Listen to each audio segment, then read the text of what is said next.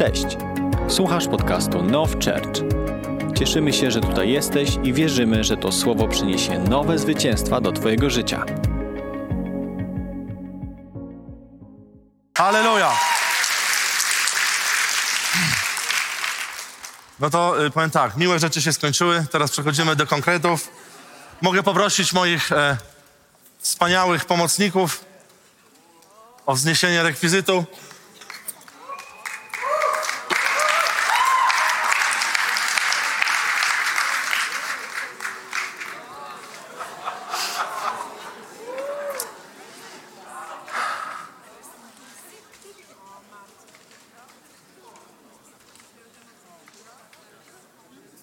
Jakby ktoś nie zauważył, to jest trumna. Jak myślicie, co się będzie działo dzisiaj? Skrzeszanie zmarłych, to mi się podoba. Stwierdziliśmy, że... Może nie stwierdziliśmy, słuchajcie, powiem wam pewną historię. Rozmawiałem z pewnym człowiekiem e, z Brazylii i wiecie, tam warunek, żeby być starszym zboru. Wiecie, jak jest? Co najmniej jedna osoba musi być skrzeszona, udokumentowana w jego życiu. Fajny standard, nie? To co, jacyś ochotnicy na starszego zboru? Kochani, dzisiaj będzie bardzo ciekawy temat, który ja osobiście bardzo lubię. Umieranie. Dzisiaj będziemy umierać. Za chwilę wyczytam listę osób,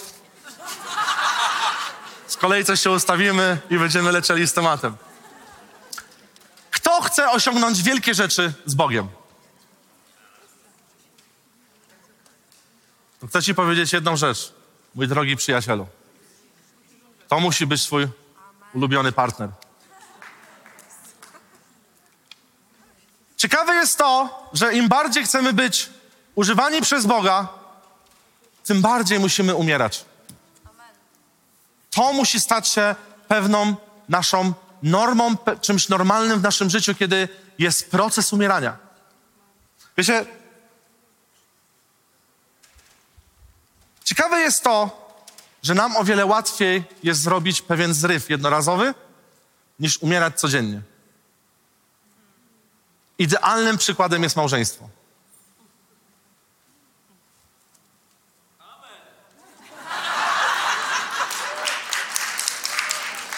Powiem tak.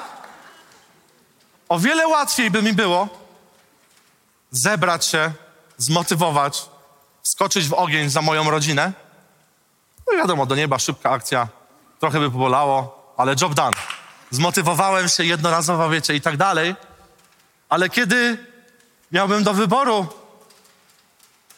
układanie ręczniczków w kosteczkę codziennie, bo na przykład wiem, że moja żona to lubi, a totalnie mnie to nie jara, o wiele jest mi trudniej, bo to godzi we mnie. I wiecie, i niesamowite jest to, że łatwiej jest nam czasami zrobić pewien zryw na niedzielnym nabożeństwie, kiedy jest, wiecie, pod koniec wezwanie do pokuty, na nowskul, na konferencjach, na różnych jakichś takich eventach, kiedy, wiecie, jest ta cała atmosfera ułatwiająca umieranie. Kiedy wiecie, widzisz obok siebie, kiedy dotyka cię Słowo Boże, kiedy jesteś uniesiony Bożym poruszeniem. I wiecie, wtedy fakt jest taki, że jakbyśmy powiedzieli, a teraz idziemy na rynek, na rynek, co ja gadam, na pl- pod Pałac Kultury w Warszawie, ogłaszamy, Jezus jest Panem, wiecie, nikt by się nawet nie zastanawiał. Bo jest to właśnie ten uniesienie, jest ten, ten moment, jest ta wzniosłość w nas.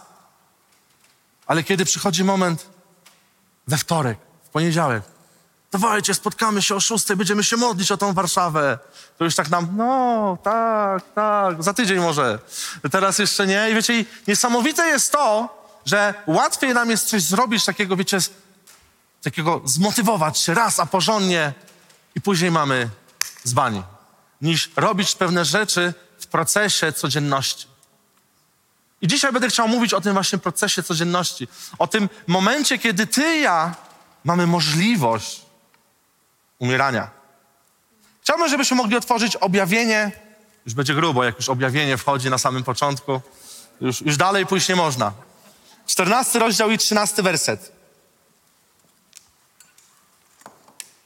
I usłyszałem głos z nieba mówiący: Napisz, błogosławieni są odtąd umarli, którzy w Panu umierają.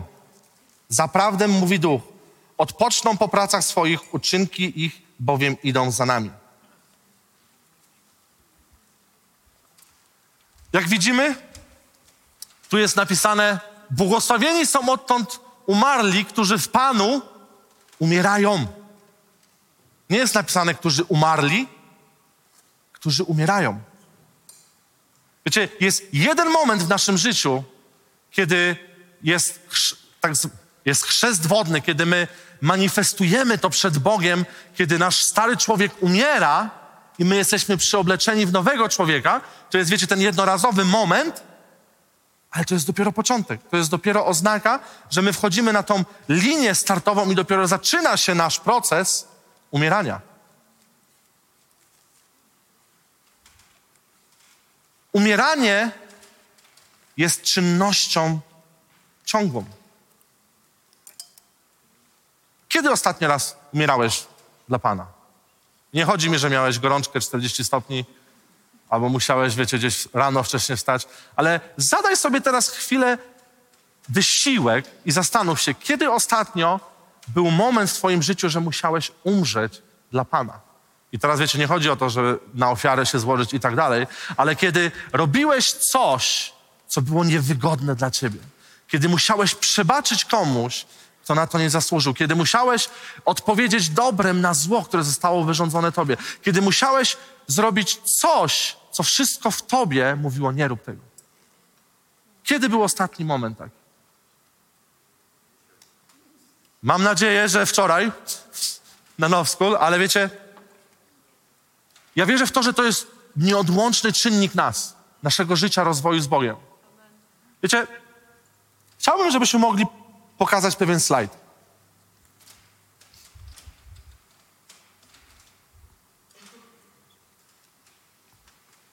Jakaś sugestia, ktoś może wie o co chodzi? Schody do nieba. Tak. Wiecie, dla mnie to jest idealny obraz życia z Bogiem, naszej wędrówki z Bogiem. Kiedyś myślałem, że wiecie, wędrówka z Bogiem to jest normalnie pas startowy, równa pochyła do przodu, wzrost, wiecie, cały czas rozpęd do przodu, dzieje się, dzieje się, ale im bardziej z Panem idę, tym nie widzę tego. Może ktoś z was tak ma? Proszę, przyjdźcie do mnie, opowiedzcie mi, jak to się robi. Z chęcią się nauczę, bo chciałem mieć, wiecie, jednostajny, przyspieszony wzrost. Bez, wiecie, tych momentów płaskich. Dlaczego w naszym życiu jest tak, że rozwój z Bogiem, że nasza podróż to są pewne stopnie? Ja wierzę w to, że żeby pójść dalej, musimy zakończyć pewien sezon w naszym życiu. Tak jak tutaj mamy pokazane to. Wiecie, nie wiem, czy widać tutaj. Dobra, może na tym. Nawracasz się, to jest pierwszy, Bóg cię wynosi do nowego poziomu. To się nazywa nowe życie z Bogiem, nowa droga.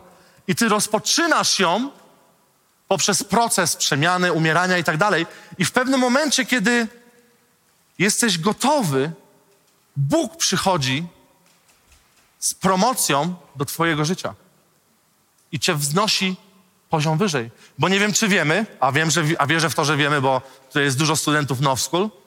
Bóg nas powołał do chodzenia z chwały chwałę. Bóg nas powołał do ciągłego rozwoju. Bóg nas powołał do tego, żebyśmy cały czas szli do przodu, żebyśmy cały czas rozwijali się.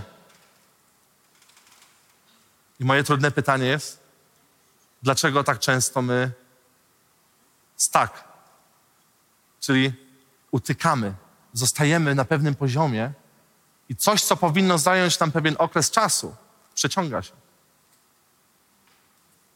Czemu jest tak, że niekiedy są momenty w naszym życiu, że jako wierzący czujemy się, wiecie, niektórzy nazywają to pustynią, niektórzy nazywają to ciężkim czasem, jakkolwiek, ale chodzi o jeden cel, byś umarł. Na każdym poziomie musimy umrzeć w pewnej dziedzinie. I często jest tak, że jeżeli bagatelizujemy tego, nie przykładamy do tego jakiejś większej uwagi, jeżeli nie zastanawiasz się nad swoim życiem, jeżeli nie analizujesz sytuacji, i dlatego tak ważna jest relacja z Duchem Świętym, bo to On ukierunkowuje, to On pokazuje nam rzeczy, z czym mamy się zmierzać. Moje życie się drastycznie zmieniło pozytywnie, kiedy 22 lutego 2020 roku powiedziałem mojej przecud- przecudownej żonie tak. Wszystko się zmieniło.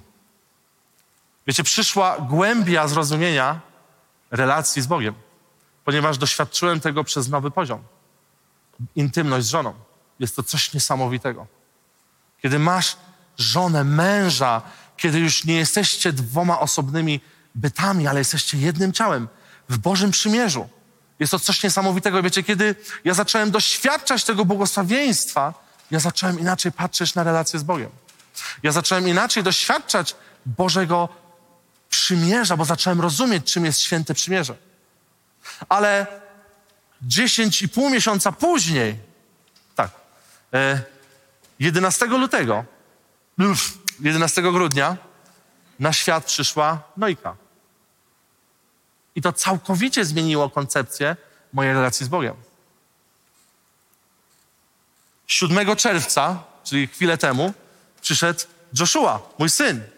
I to też totalnie zmieniło koncepcję w moim życiu. Ale chcę wam powiedzieć, że dobrą rzeczą jest mieć mądrą żonę. I dzięki Bogu ja mam taką. Wiecie, ja i moja żona razem uzgodniliśmy, że to nie jest tak, że ja ją zmusiłem do tego, ale od zawsze chcieliśmy mieć czwórkę dzieci. To jest nasz cel, czwórka dzieci. Jak widzicie, połowa już za nami. I ja już byłem taki, no ja jestem taki po prostu, jest cel, wizja, no to po co tracić czasu, jedziemy dziecko po dziecku. Eee, ale moja mądra żona powiedziała do mnie, mówi, nie, ja chcę zobaczyć, czy ty jesteś gotowy na trójkę dzieci. Pokaż mi teraz, że przy dwójce dzieci będziesz obecny w domu. Bo to wiecie, nie sztuka jest zrobić trójkę dzieci, czwórkę dzieci. Ale trzeba je wychować. I wiecie, kiedy ja zaczynałem rozumieć, że tak naprawdę możemy mieć niesamowite marzenia z Bogiem, możemy mieć niesamowite wizje, cele, ale my musimy być przygotowani do każdego sezonu. My musimy być przygotowani do kolejnego kroku. Bóg jest Bogiem niesamowitym. On kocha mnie i ciebie bardziej niż możemy sobie tego wyo- wyobrazić, uświadomić i On nie puści cię dalej, jeżeli nie jesteś gotowy. Bo Jego celem, jak mówiłem, jest to, żebyśmy szli z chwały chwałę.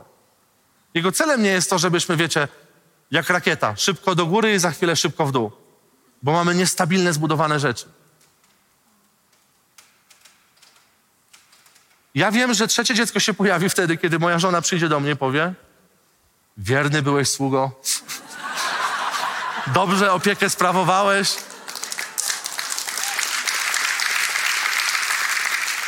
I ja wierzę, że tak jest z naszym Bogiem. Bo On jest kochającym ojcem, On jest dobrym ojcem i On chce, żebyśmy na każdym poziomie ustabilizowali pewne rzeczy. Wiecie, na początku, kiedy jest promocja, kiedy jest ten moment, jest ciężko. Bo nagle Bóg cię stawia w nowym miejscu, w nowym wyzwaniu.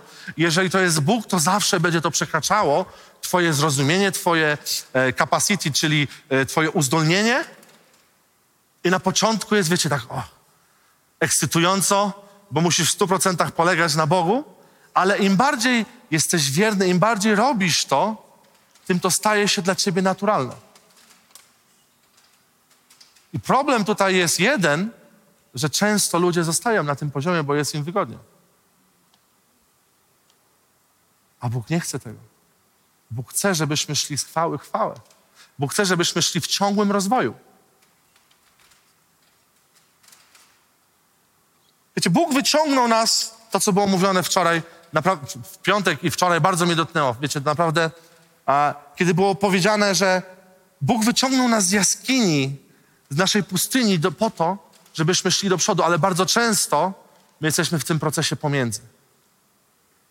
Jesteśmy w tym miejscu pomiędzy, gdzie nie dzieją się rzeczy, które powinny się dziać według nas, i my często nie wiemy, jak się odnaleźć w tym. Mądrą rzeczą jest słuchać mądrych ludzi.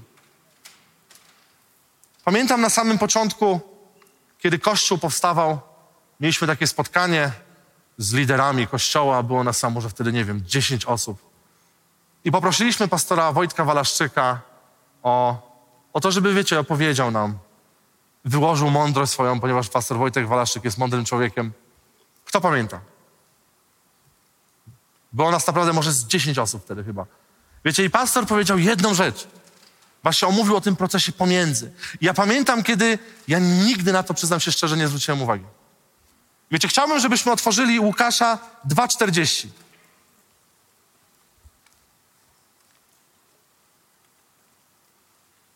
A dziecię rosło i nabierało siły, było pełne mądrości i łaska Boża była nad nim. I idziemy 12 wersetów dalej. Jezusowi zaś przybywało mądrości i wzrostu oraz łaski u Boga i u ludzi.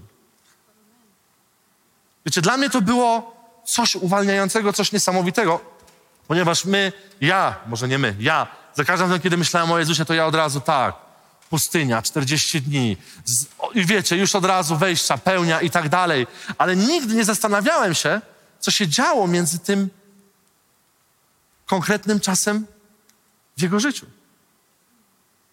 Wiecie, i to, jest, i to było dla mnie tak uwalniające, kiedy mogliśmy, mogłem zrozumieć, że Jezus wzrastał, że tam nie było tak, że On się urodził i wiecie, już od samego początku po prostu pełnia wszystkiego była w Jego życiu, ale on przez ten, ten czas pomiędzy wzrastał. I chcę wam zadać kolejne pytanie, pójdźmy trochę głębiej za tym. Jak wzrastał? Jeżeli chcesz powiedzieć, że siedział w pokoju i się modlił 24 na dobę, to ci powiedzieć, że nie. Jezus nie wzrastał w taki sposób. My często myślimy, że to jest jedyna droga do rozwoju w moim, w twoim życiu, kiedy wiecie, zamkniemy się, kiedy będziemy na językach łupać, kiedy będziemy po prostu Biblią y, po prostu na pamięć zapamiętywać i to jest jedyny moment wzrostu. To jest niezbędny aspekt, ale największy rozwój w moim w twoim życiu jest przez sytuacje, które kształtują nas. Wiecie, my jako wierzący mamy często tendencję do uciekania od trudnych sytuacji. I najczęściej przeduchawiamy to. Pan mi powiedział, że jednak muszę zrezygnować ze służby. Że to nie to. Że wiecie, ja nie mówię, bo są momenty, kiedy naprawdę mieliśmy to w kościele, kiedy naprawdę Bóg zatrzymywał, bo musiał zatrzymać, ale są często sytuacje, kiedy my po prostu, bo robi się nam niewygodnie, bo nagle nasze wyobrażenie na dany temat jest inne niż rzeczywistość, i my uciekamy. Ja byłem okropnym dzieckiem i naprawdę dzięki Bogu, że piorun nigdy mnie nie walnął za to, co robiłem. Ja się bardzo często wiarą zasłaniałem. Kiedy jako 10-12-letni chłopak miałem tak zwane związki e, na odległość z, z koleżankami z innego kościoła i listy sobie pisaliśmy. I jak mi się nudziło lub jakkolwiek było, robiłem, wiesz co, modliłem się. Poczułem, że to jednak nie dla nas jest. Musimy zerwać. Wiecie, i z jednej strony to jest trochę śmieszne, ale to jest tragiczne. Ponieważ my często jako ludzie wierzący, kiedy przychodzi ten proces, kiedy Bóg nas posyła do miejsca, byśmy umierali, byśmy byli ociosywani, byśmy byli jak ten diament szlifowani, pod pretekstem przeduchawiania uciekamy. Dlaczego? Bo tak jest łatwiej. Ja chcę Wam powiedzieć, że ten aspekt w życiu nie jest łatwy. Nie jest przyjemny. Nie jest zachęcający. Nie jest atrakcyjny. Zwłaszcza, że dzisiaj żyjemy w bardzo dziwnych czasach. Co mówi świat? Co mówią ludzie wokół ciebie? Skup się na sobie, żebyś ty się czuł dobrze. Pamiętam, rozmawiałem z pewną osobą, która miała problemy małżeńskie i poszła do terapeuty. I jak on mi powiedział, co ten terapeuta mu powiedział, to jak ja bym się dowiedział, że ktoś taki od nas z kościoła chodzi do takiego terapeuty i takie dostaje informacje, bym poszedł na wizytę do niego i bym z nim porozmawiał inaczej. On powiedział jedną rzecz – skup się na sobie. Jeżeli nie czujesz się dobrze w domu, wyjedź na pół roku gdzieś. Zostaw żonę, dzieci, wyjedź gdzieś, odnajdź siebie. Skup się na sobie, odbuduj siebie. Wiecie, i cały czas to, co dzisiaj świat mówi, żebyś ty się czuł dobrze. Żeby tobie było dobrze. I co ciekawe jest, my tą kulturę przynosimy do kościoła. My, ludzie, którzy przychodzą do kościoła, mają oczekiwania, żeby kościół był po to, żeby ich pogłaskać. Wiecie, ktoś mówi, kurczę, zawalam w życiu w tym i w tym. I on oczekuje, że podejdzie taki pastor, lider do niego i wiecie, i przytuli go, powie, nie przejmuj się, Jezus cię kocha, wiecie, On jest dobry, On ci to już wybaczył. Tak, to prawda. Ale jeżeli my zakończymy tylko na tym, to nic nieproduktywnego nie wniesie to do jego życia. On potrzebuje korekty, on potrzebuje usłyszeć, stary, to jest przeginka. To, co robisz, jest destrukcyjne dla ciebie. Tak jak powiedziałem, małżeństwo dla mnie jest idealnym przykładem tej relacji. Tu nie musicie podnosić rąk. Ile jest małżeństw, które ma problemy w małżeństwie? Nie podnoście rąk, spokojnie. Wiem, że jest dużo. I chcę wam powiedzieć jedną rzecz. W większej sprawie jest to spowodowane twoim egoizmem. Jeżeli chcesz się odwrócić do męża i żony i powiedzieć, widzisz, mówiłem ci to, mówiłem ci to, to nie. To jest do ciebie. Nie do twojego mał, mał, małżonka i żony. Żebyś później nie wrócił do domu i mówił, widzisz, pastor ci powiedział. Ja wiedziałem, wiedziałem, że to do ciebie. Modlitwy wysłuchane. Nie, to się tyczy ciebie. Kiedy ja z moją żoną wchodziliśmy w związek małżeński, obiecaliśmy sobie jedną rzecz, że będziemy umierać dla siebie nawzajem. Czy jest łatwo? Oczywiście, że nie. Nie jest łatwo, ale widzę niesamowity owoc i co to wnosi do naszego małżeństwa.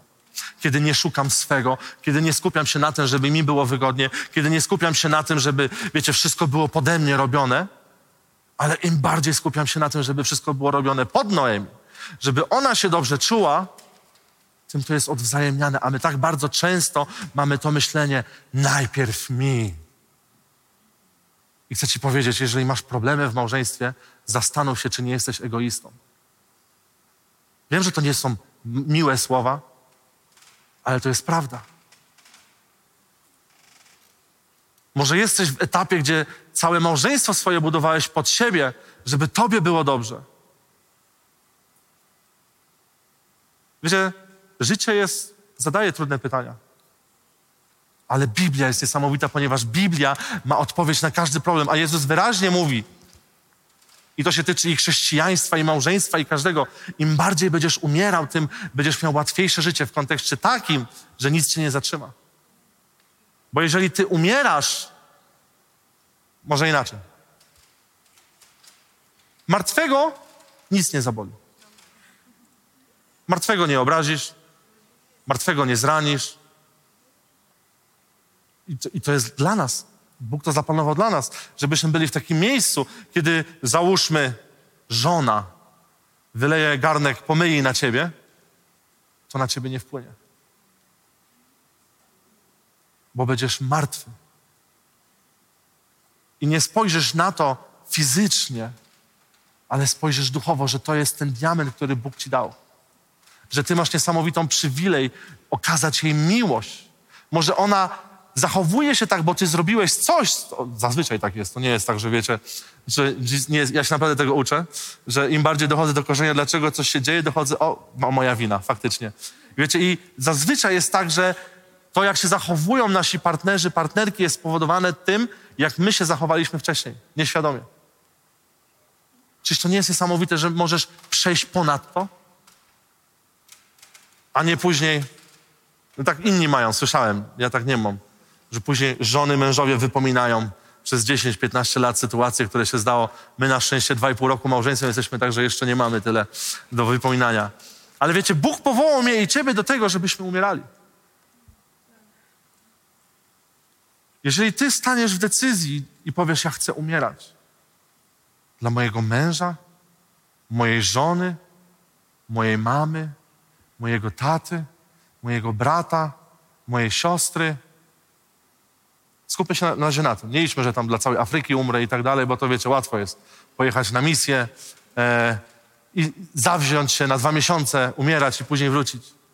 Ale najpierw skupmy się na naszym ogródku. Później dochodzi Kościół. To jest dopiero pralnia umierania. To jest dopiero fabryka czynienia martwych ludzi, w sensie cieleśnie. Ja pamiętam przez całe swoje życie, znaczy Nora może przesadziłem przez całe życie, ale jako młody chłopak przez, na wakacje zawsze jeździłem na misję. Od mniej więcej 13 roku życia do 16, 17 e, wakacje to było zawsze dla mnie misja. I wiecie, jeździliśmy i akurat w Polsce były takie różne organizacje jak e, Misja Polska, Generacja T, później Generacja Plus i ja z nimi tam współpracowałem i wyglądało to na tym, że jechało się na tygodniową misję. Ja wam powiem tak, na, ty, na tydzień idealnie. Nic nie wychodzi. Przez tydzień można jeszcze, wiecie, utrzymać tą formę. Ale kiedy pierwszy raz pojechałem na dwójpółmiesięczną misję, prawie mnie wyrzucili z misji. I to było po moim nawróceniu, już takim, wiecie, spotkaniu się z Bogiem twarzą w twarz, gdzie bym już mógł powiedzieć, że o, teraz już tylko będzie z góry. Ale pojechałem na misję dwójpółmiesięczną, gdzie po prostu śruba była dokręcana level pro i tam już maski, wiecie, pobożne, typu uśmiechy. Bo wiecie, można jechać na pewnym udawaniu. Możesz przez dwie godziny wytrzymać w kościele, uśmiechać się do wszystkich, każdemu rękę podać i tak dalej.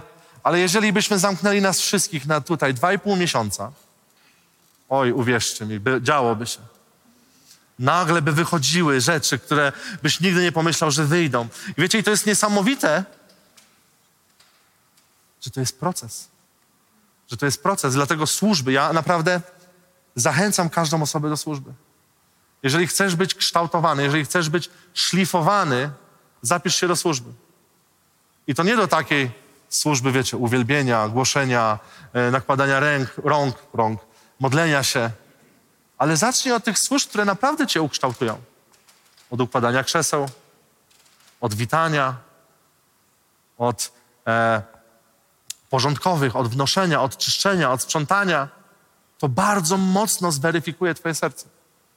I smutne jest to, że niektórzy po, wiecie, dwóch miesiącach Pan mi powiedział, to nie służba dla mnie.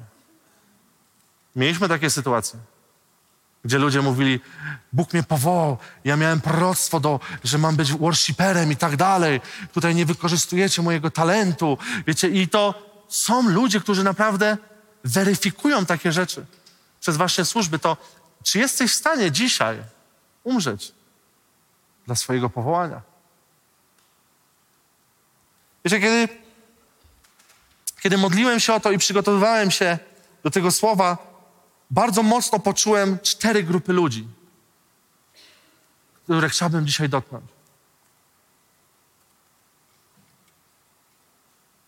Nie pójdziesz dalej i wyżej bez umierania i wyrzekania się samego siebie. Biblia mówi na ten temat wyraźnie w Mateusza 16, 24, 25. Możemy otworzyć.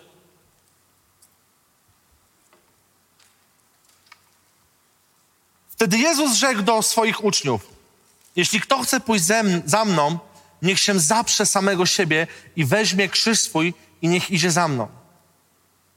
Bo kto chciałby życie swoje zachować, utraci je. A kto by utracił życie swoje dla mnie, odnajdzie je. I chciałbym, żebyśmy później przeszli do Galacjan 2:20. Z Chrystusem jestem ukrzyżowany. Żyję więc już nie ja, ale żyje we mnie Chrystus. A obecne życie moje w ciele jest życiem w wierze w Syna Bożego, który mnie umiłował i wydał samego siebie za mnie. To jest Boży proces do mojego i Twojego życia. Jeżeli my chcemy wejść w pełnię tego, co Bóg zaplanował dla nas, my musimy umierać. Musimy wchodzić w procesy, nie bać się procesów, nie uciekać od rzeczy, które są niewygodne dla nas. Wiecie, dla mnie największym procesem umierania w Biblii jest postać Józefa. Ja wiem, że tydzień temu, dwa, tydzień, dwa tygodnie temu, dwa tygodnie temu było słowo e, pastora Alana, które mówił na temat Józefa, ale wiecie, to mnie tak mocno dotyka ta historia. I to jest największa przyczyna dla ludzi wierzących, dlaczego nie mają rozwoju w swoim życiu. Wiecie, był Józef, niesamowite słowo prorocze odebrał do swojego życia. Podzielił się Zbudziła się zazdrość, został wrzucony do studni, sprzedany przez swoją rodzinę, przez osoby, które powinny być najbliżej niego. Później idzie, życie zaczyna się układać, idzie do Potyfara, wiecie, rozwój, fajne rzeczy się dzieją. Ale znowu niesłusznie idzie do więzienia. Wiecie, i, i tutaj się zatrzymałem. Ja wiem jedną rzecz. Że gdyby Józef nie przebaczył swoim braciom i Potyfarowi, temu namiestnikowi, Bóg by go nigdy nie ustawił na tym miejscu. Wiecie dlaczego? Bo jakby tylko doszedł do władzy, pierwsze co by zrobił, wyciąłby ich w pień. Zemściłby się. I chcę ci powiedzieć jedną rzecz. Służba, rozwój nie jest po to, byś ugrał swoje rzeczy. Dzisiaj wielu ludzi nie może pójść dalej. W kontekście Bóg ich nie popycha, bo jest dużo ludzi, którzy próbują przeforsować pewne rzeczy i na siłę wchodzić w służby i bardzo często później upadają bardzo szybko. Ale jest potężna różnica, kiedy Bóg cię we właściwym momencie promuje do danej służby, kiedy przechodzisz dane rzeczy. I wielką przeszkodą dzisiaj jest przebaczenie. Chcę ci powiedzieć jedną rzecz. Jeżeli jesteś powołany do wielkich rzeczy, będziesz raniony z prawej i z lewej. I chcę ci powiedzieć przez kogo? Przez twoich braci i siostry z kościoła.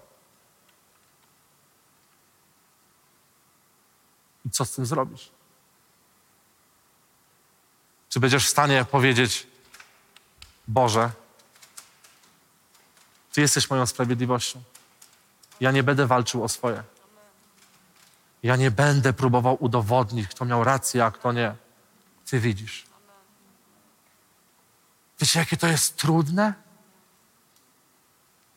Kiedy jesteś w miejscu, kiedy robisz dobre rzeczy, przykładasz się i nagle jest przeciwko tobie powstają ludzie, którym próbowałeś pomóc.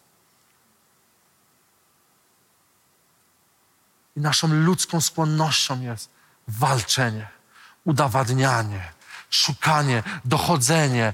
Wiecie, i to jest tak trudne odpuścić.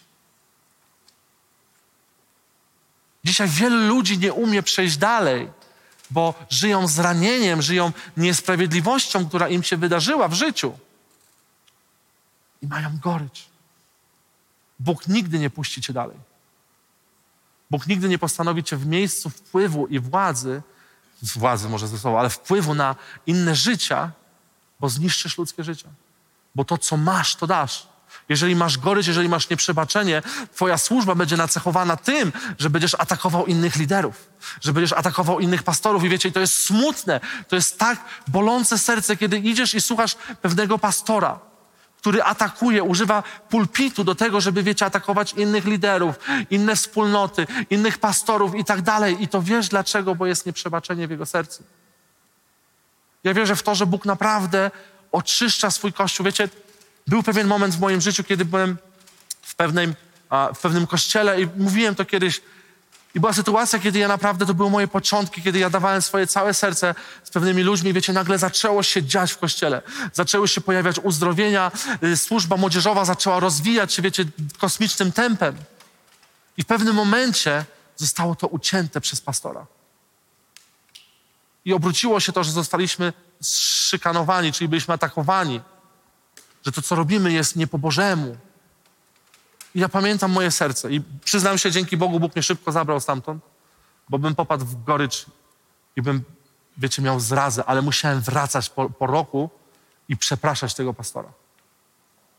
Musiałem wracać i, wiecie, oczyszczać swoje serce, bo wiedziałem, że jeżeli ja tylko będę miał to lekkie ziarenko nieprzebaczenia, to będzie się manifestować w mojej służbie to będzie się manifestować w tym, co będę robił, to będzie ten odór.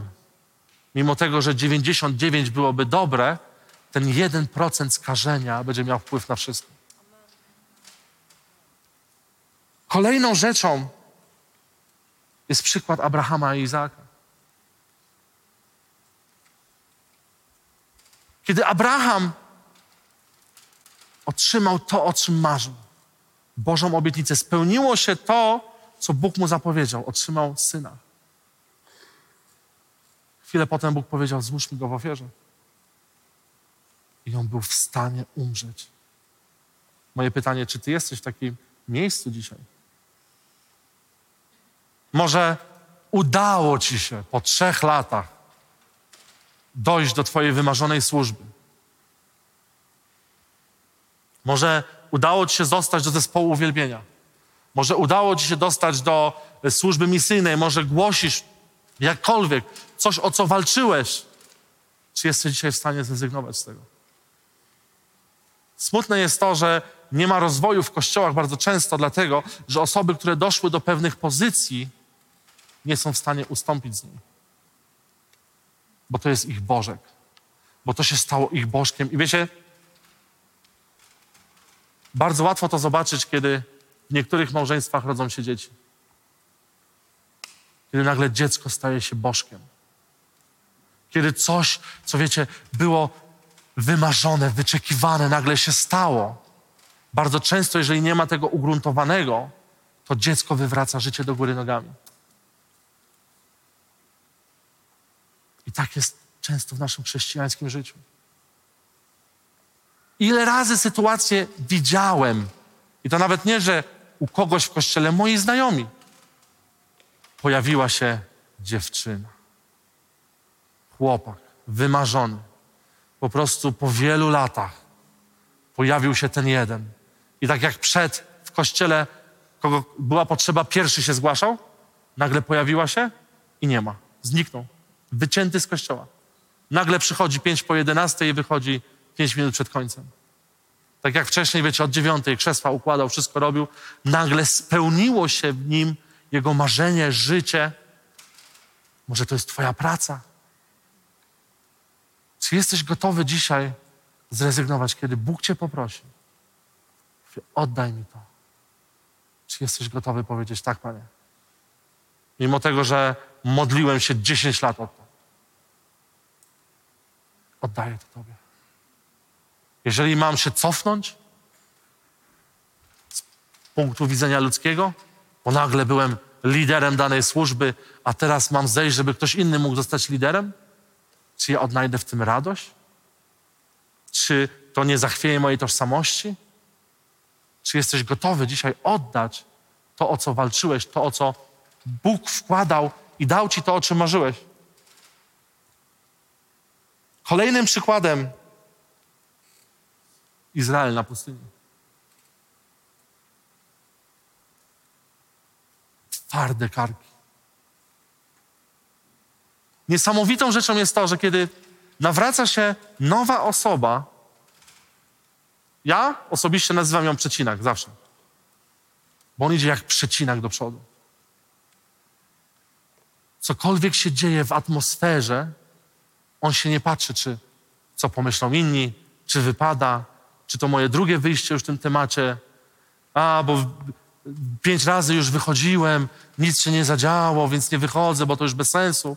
Ale osoba, która jest świeża, które serce jest skuszone, bo kiedy ty oddajesz swoje życie Jezusowi, twoje serce jest skuszone, twoje serce staje się mięsiste na nowo. I taka osoba jest skora do korygi. Cokolwiek powiesz takiej osobie, cokolwiek zwrócisz jej uwagę na pewnym temacie, ona to przyjmuje. A smutne jest to, że im dalej w las z Bogiem, tym trudniej już skorygować taką osobę. To nie jest, że każda osoba tak ma, ale to jest naprawdę generalny obraz. W pewnym kraju, na pewnym kontynencie, za górami, lasami, nie w Polsce, byłem na pewnej konferencji, gdzie było, wiecie, 60% pastorów i 40% liderów. To byli te kluczowi liderzy kościoła. I wiecie, było niesamowite przesłanie. I naprawdę ja wierzę w to, że to było przesłanie do każdej osoby na tamtym miejscu. Do pokuty. Do pokuty zbudowania, wiecie, swoich imperiów, do pokuty właśnie z tego, wiecie, z tego po prostu budowania auto, swojej tożsamości w tym, co robimy. I ja wiem, że to było naprawdę słowo, dobra, zaniżę do 80% sali. Wiecie, ile wyszło osób? Na, z 400? 20 parę. Ja byłem przerażony, jak można dojść do miejsca zatwardzenia że kiedy jest Boże poruszenie, kiedy jest wezwanie do pokuty, kiedy jest wezwanie do tego, żebyśmy umarli w danej dziedzinie, niektórzy są tak zatwardziali, że tego nawet nie odczuwają. Jezus musiał wzbudzić nowe pokolenie z Izraela, żeby weszło do Bożej obietnicy. Tylko dlatego, że Izrael był twardy, hardy. Oni się nie dali złamać. Oni wiedzieli lepiej. Czy dzisiaj jesteś w stanie powiedzieć nie to, co ja wiem, nie to, co mi się wydaje, ale co Ty, Boże, masz dla mnie? Może tego nie rozumiem? Bo zazwyczaj jest tak, że kiedy Bóg coś robi, nie rozumiemy do końca, dlaczego to się dzieje. Ale Bóg jest na to, z drugiej strony na tyle kochającym i dżentelmenem, że jeżeli ty nie będziesz chciał, to on się nie będzie, on cię nie będzie popychał do tego. Bo to jest mój i twój wybór, czy my chcemy być łamani, czy my chcemy umierać dla Niego. Bo jeżeli nie chcesz, to okej. Jeżeli przyzwyczaiłeś się do tego poziomu, w którym jesteś i to ci wystarcza i nie chcesz być bardziej używany, okej. To nie jest, że jesteś gorszym wierzącym. Ale ja wierzę, że my chcemy mieć wpływ. Ja wierzę w to, że my chcemy naprawdę pójść dalej i doświadczać Bożego poruszenia w tym narodzie. I ostatni przykład i grupa ludzi to jest syn marnotrawny w kontekście cierpliwości. Dzisiaj wielu ludzi boi się przeczekać pewne rzeczy. Są procesy, które nie mogą być skrócone. Są pewne rzeczy, które muszą się wydarzyć w naszym życiu, ale my chcemy, wiecie, w jeden dzień załatwić proces umierania. To tak jak wiecie, jakby moja żona do mnie powiedziała, Dawid, jesteś e, wybuchową osobą, a ja powiem, dobra, do jutra to załatwię. Nie. To są procesy, to są sytuacje, które będą kształtować i tak dalej. I my często jesteśmy tak niecierpliwi, bo mamy taką bojaźń. Z jednej strony ją rozumiem, ale z drugiej strony ona popycha wierzących do dziwnych decyzji. A jak się minę z Bożym powołaniem? A jak się minę z Bożym timingiem w swoim życiu? Bo przecież jest, trzeba i jak nie ten, to wiecie, i po prostu z jednej strony to jest dobrze, bo to jest, wiecie, zdrowy zdrowa bojaźń, ale jeżeli to jest przerośnięte w Twoim życiu i Ty przez strach, że coś się nie wydarzy w Twoim życiu, podejmujesz decyzję, skończysz jak syn marnotrawny. S- Najmłodszy syn przyspieszył proces, który był w jego życiu. To, co się wydarzyło, czyli te wzięcie tej majętności, to powinno nastąpić, kiedy jego ojciec umrze. A on stwierdził, ja jestem gotowy. Ja jestem gotowy, ja już nie potrzebuję. Wiecie, kiedy jesteś na farmie, przyrównajmy to do farmy, to nie jest tak, że się rodzisz i już wiesz wszystko o farmie. Jeżeli twój ojciec jest farmerem, rolnikiem, jakkolwiek to się nazywa, on będzie cię uczył, jak krowy doić, jak świnki wypasać i tak dalej, i tak dalej. Ty nie możesz po 10 latach, e, jako dziesięcioletni, dwunastoletni powiedzieć, ja już wszystko wiem i idziesz swoje. I tak zrobił syn marnotrawny. On powiedział, przyspieszył pewien proces, który powinien być w jego życiu, po to, żeby wejść w rzeczy, które wydawały mu się dobre. Chcę ci powiedzieć, i na początku było dobrze dla niego. Spełniło się to, co zawsze chciał. Ale to się nigdy nie kończy dobrze. Kiedy wychodzisz z tego procesu, z tego parasola bezpieczeństwa, uwierzcie mi, nie ma lepszego nauczyciela niż Duch Święty, niż Ojciec. Jeżeli ty wyjdziesz z tego i będziesz po swojemu próbował robić pewne rzeczy, jeżeli będziesz robił pewne procesy, które nie są na ten moment, może to się skończyć dla ciebie źle. Dlatego tak ważne jest i dlatego tak bardzo często przez te dwa lata mówiliśmy o potrzebie intymnej relacji z Duchem Świętym, ponieważ to On kieruje mnie i ciebie do procesu zmian.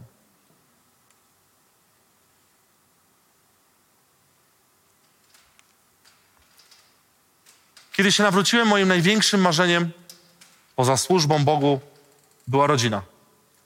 Przez to, jak skończyłem e, uzależniony od narkotyków, jako wiecie, bezdomna osoba, ja przekreśliłem nadzieję na, na rodzinę. Bo to by była głupota. Ja byłem roztrzęsiony, narkotyki spowodowały tak, że ja nie umiałem się skupić na niczym. Bardzo wiele rzeczy zapomniałem, czyli po prostu najgorsza osoba do bycia stabilnym mężem domu. Więc ja w swojej głowie zbudowałem pewne kłamstwo, czyli małżeństwo już nie będzie nigdy dla mnie. Kto mnie zechce? Idąc na zakupy zapominam, co miałem w ogóle kupić. Czasami zapominałem rzeczy, wiecie, drzwi zostawiałem otwarte, po prostu byłem w totalnym zamieszaniu, chaosie. I ja stwierdziłem, że małżeństwo nie jest dla mnie. I wiecie, kiedy się nawróciłem, kiedy miałem spotkanie z Bogiem, bardzo odrodziło się to moje marzenie. I był moment, kiedy próbowałem po swojemu pewne rzeczy zbudować, ale to się szybko kończyło. Dzięki Bogu moi rodzice się modlili, miesiąc maksymalnie moje dwa związki trwały i się kończyły. Ale spowodowało to, że ja stanąłem w miejscu i powiedziałem, mówię, Boże, nie chcę już. Ja naprawdę zamykam ten sezon w swoim życiu. Widocznie to nie jest dla mnie. Powiedziałem, tylko służba, tylko Bóg, dobre, oldschoolowe postanowienia. I wiecie, i był moment taki, że naprawdę pękło coś w moim sercu. Gdziekolwiek jeździłem, nie szukałem żadnych relacji z dziewczynami, bo dla mnie to było już coś martwego w moim życiu. Ja zacząłem służyć Bogu i w pewnym momencie przyjechała pewna prorok i powiedziała, Dawid, tak mówi Pan, małżeństwo jest dla Ciebie, Bóg zaplanował. Ja mówię, skoro zaplanował, niech mi objawi. I parę miesięcy później miałem sen, gdzie Bóg mi konkretnie powiedział, Noemi, Twoja żona. Wtedy nie mieliśmy w ogóle żadnych relacji. E, kiedyś znaliśmy się z jakiejś konferencji i wiecie, ja powiedziałem tak. Wyciągnąłem Facebooka, Messengera, Noemi. Jest. Nic się nie zmieniło. Dalej ładna. Klikam wiadomość i wiecie, i chcę pisać. Spokojnie, nie chciałem napisać, tak mówi Pan. Ale wiecie, mówię, napiszę. I już tam piszę, hej Noemi, co tam u ciebie, dawno się nie widzieliśmy, może na jakąś kawę się umówimy, coś takiego. I nagle czuję w moim sercu, jak Bóg mówi stop. Nie ten czas. Ja jestem bardzo niecierpliwy, więc myślałem, że ten, nie ten czas, to potrwa, wiecie, dwa tygodnie, trzy tygodnie. Ale skracając tą historię, trzy lata modliłem się o Noemi. Trzy lata modliłem się o Noemi, nie robiąc żadnego kroku. Moja mama, przecudowna kobieta. Kocha mnie naprawdę. I Tymka też, żeby nie było. E... I moja mama, ja uwierzcie, miałem 28 lat. E, niektóre mamy są bardzo kochane. Dawid, no może jest jakaś kobieta w twoim życiu, już wiesz, wypadałoby, ożeniłbyś się, ustatkowałbyś się, potrzebujesz tego. I cały czas moja mama tak z miłością zachęcała mnie. Ja mówiłem, mamo, spokojnie, już temat załatwiony. No, jak załatwiony? Mówię, pan mi powiedział, kto będzie moją żoną. I moja mama naciskała mnie bardzo mocno, żebym powiedział, kto to. Ja wiedziałem, że to się wydarzy, jak powiem, więc mówiłem nie. E, ale pewnego razu pęknąłem i w sensie powiedziałem mojej mamie e, imię, nazwisko osoby. Moja mama nagle, o jacie, bo ja ją poznałam ostatnio, no niesamowita kobieta i wiecie, i tak dalej. Mówi, to idź na kawę, zaproś ją. Ja mówię, mamo, nie. Ona mówi, czemu? Przecież jest taka ładna dziewczyna, ona w tym Wrocławiu, tam dużo chłopaków jest, tam na pewno ktoś się już wobec niej kręci, a jak ktoś ci ją, wiecie, sprzątnie sprzed nosa i tak dalej. I naprawdę moja mama dobrze chciała. Ale ja mówię, mamo, jeżeli ktoś ją sprzątnie, to znaczy, że nie jest od Pana. Ja wolę czekać i wejść w odpowiednim momencie, niż zrobić za szybko ruch, przez który będę konsekwencje zbierał później. I wiecie, kiedy w kwietniu nadszedł moment, kiedy Bóg powiedział teraz. Nie tylko powiedział teraz, ale dał strategię, jak mam się pojawić w życiu Noemi. Co mam zrobić krok po kroku. Skończyło się tak, że po miesiącu byliśmy parą, po ośmiu miesiącach pobraliśmy się. Więc wiecie, to była szybka akcja. Ale kiedy rozmawiałem później z moją żoną, kiedy analizowaliśmy te trzy lata, ona powiedziała jedno. Jakbyś się pojawił trzy lata temu, i to, i to ja też wiem, my byśmy się żarli, kłócili, talerzami byśmy w siebie rzucali, ponieważ i Noemi, i ja nie byliśmy przemienieni w pewnych dziedzinach. Ale kiedy w wieku odpowiednim, w odpowiednim momencie, w odpowiednim momencie Bóg powiedział teraz, ja chcę wam powiedzieć, to jest najwspanialsze, no jedyne mam i niech tak zostanie, e, to jest najwspanialsza rzecz mieć żonę w swoim życiu, która jest wsparciem, która jest tą miłą wonnością, wiecie, i to jest tylko dlatego, że weszliśmy w odpowiednim momencie w dany sezon. A dzisiaj wielu z nas próbuje przyspieszyć pewne rzeczy. Przez strach, przez brak tożsamości, przez, wiecie, i to jest najgorsze, co możesz zrobić, wejść w związek z deficytem. Wejść w związek z brakiem tożsamości. To jest najgorsze, co możesz zrobić. Czasami, uwierz mi, lepiej jest przeciągnąć daną rzecz o pół roku, o rok, o dwa i mieć szczęśliwy związek, niż po, po podróży poślubnej jechać na rozmowę z doradcami do małżeństwa. Jak ratować małżeństwo. Wiecie, my nie możemy się bać procesów i tego czekania, ale żeby to się zadziało, moje marzenia muszą umrzeć. Moje pragnienia muszą umrzeć. Moje nadzieje muszą umrzeć. Moja tożsamość, wszystko musi przejść przez to. Bo żeby coś wydało owoc długotrwały w Twoim życiu, najpierw musi obu umrzeć. Wiecie, będę kończył powoli.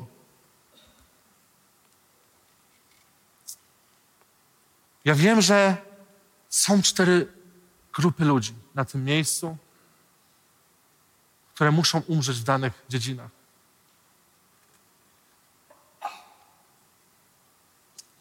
Odnośnie sprawiedliwości, przebaczenia. Są osoby, które zadały ci niesprawiedliwość, wyrządziły ci krzywdę i ty nosisz to cały czas w sercu.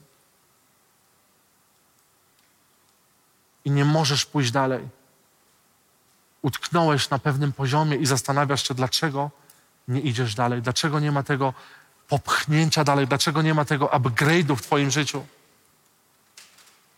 Kolejną rzeczą, pochłonąłeś się przez marzenia. Twoje marzenia, Twoje pragnienia, Twoje rzeczy stały się bożkiem w Twoim życiu. Kolejną grupą jest to, że może jesteś twardym karkiem. Może wiesz wszystko już. Już nic do ciebie nie dociera. Już nawet nie jesteś w stanie pamiętać, kiedy ostatnio pokutowałeś z czegoś. I ostatnia grupa brak cierpliwości, strach przed minięciem się z rzeczami w Twoim życiu. Chciałbym zrobić jedną konkretną rzecz. Położymy trumnę tutaj z przodu. Chciałbym, żebyśmy teraz też mogli kartki dać, jeżeli macie notesy, a wierzę, że macie. Jeżeli czujesz, że jest coś w Twoim życiu, z czego musisz umrzeć, z czego musisz pokutować, chciałbym, żeby to był Twój czas z Nim, z Duchem Świętym. Żebyś odpowiedział na to, co się dzieje w Twoim życiu. Bo ja chcę Ci powiedzieć, Bóg chce, żebyś poszedł dalej. Bóg chce, żebyś się rozwijał. On chce, żebyś szedł z chwały chwałę. On chce, żebyśmy szli i wypełnili rzeczy, które On powierzył nam. Ale to nie jest jednorazowy event, to nie jest jednorazowa rzecz, ponieważ bardzo często jest tak, że wiecie, umieramy dzisiaj, umieramy. Ale jutro wracamy do tej trumny i wyciągamy tą rzecz i bierzemy ją ze sobą z powrotem.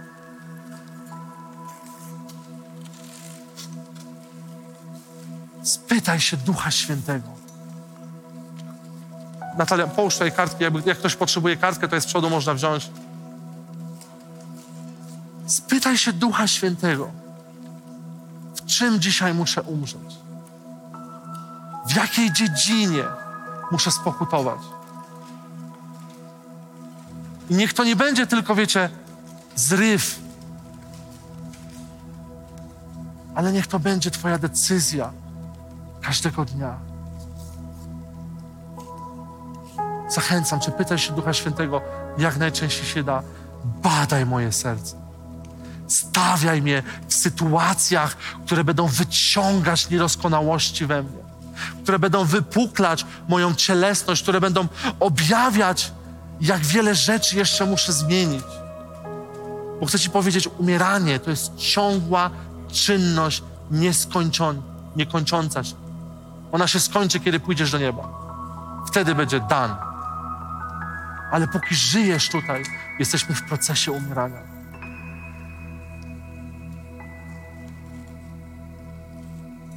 Może jest, jesteś jeszcze piątą, szóstą grupą, o której nie mówiłem.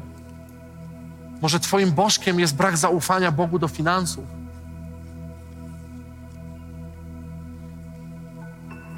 Może nie umiesz pójść dalej, ponieważ panicznie boisz się, że nie będziesz miał męża i żony. I Twój czas z Bogiem kręci się wokół tego. I Bóg Cię nie popchnie dalej, bo to jest Twój Bożek. Co dzisiaj stoi na przeszkodzie przed tym, żebyś poszedł dalej? Może to jest Twoja doktryna, którą 20 lat polerowałeś i nie jesteś w stanie przyjąć głębszego objawienia, ponieważ już zamknąłeś ten temat w swoim życiu.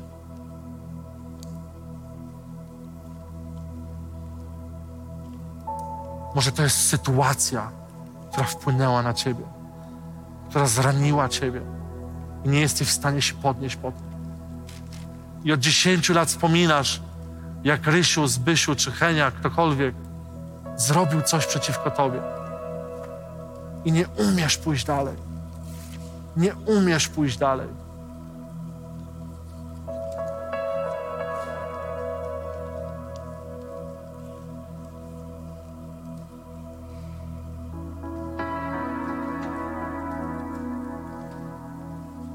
Duchu Święty, my potrzebujemy Ciebie. Badaj nasze serca. Badaj nasze serca, nasze motywacje.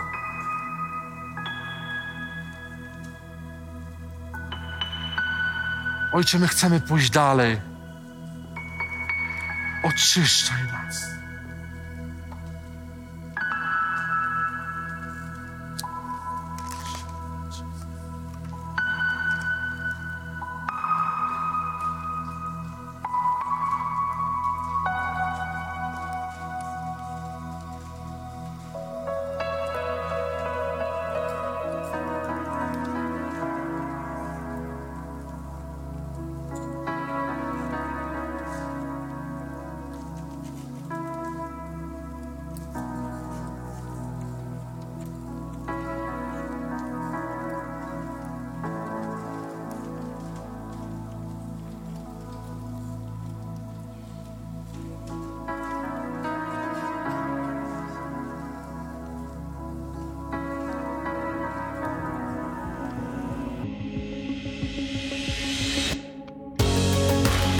Dziękujemy, że byłeś z nami.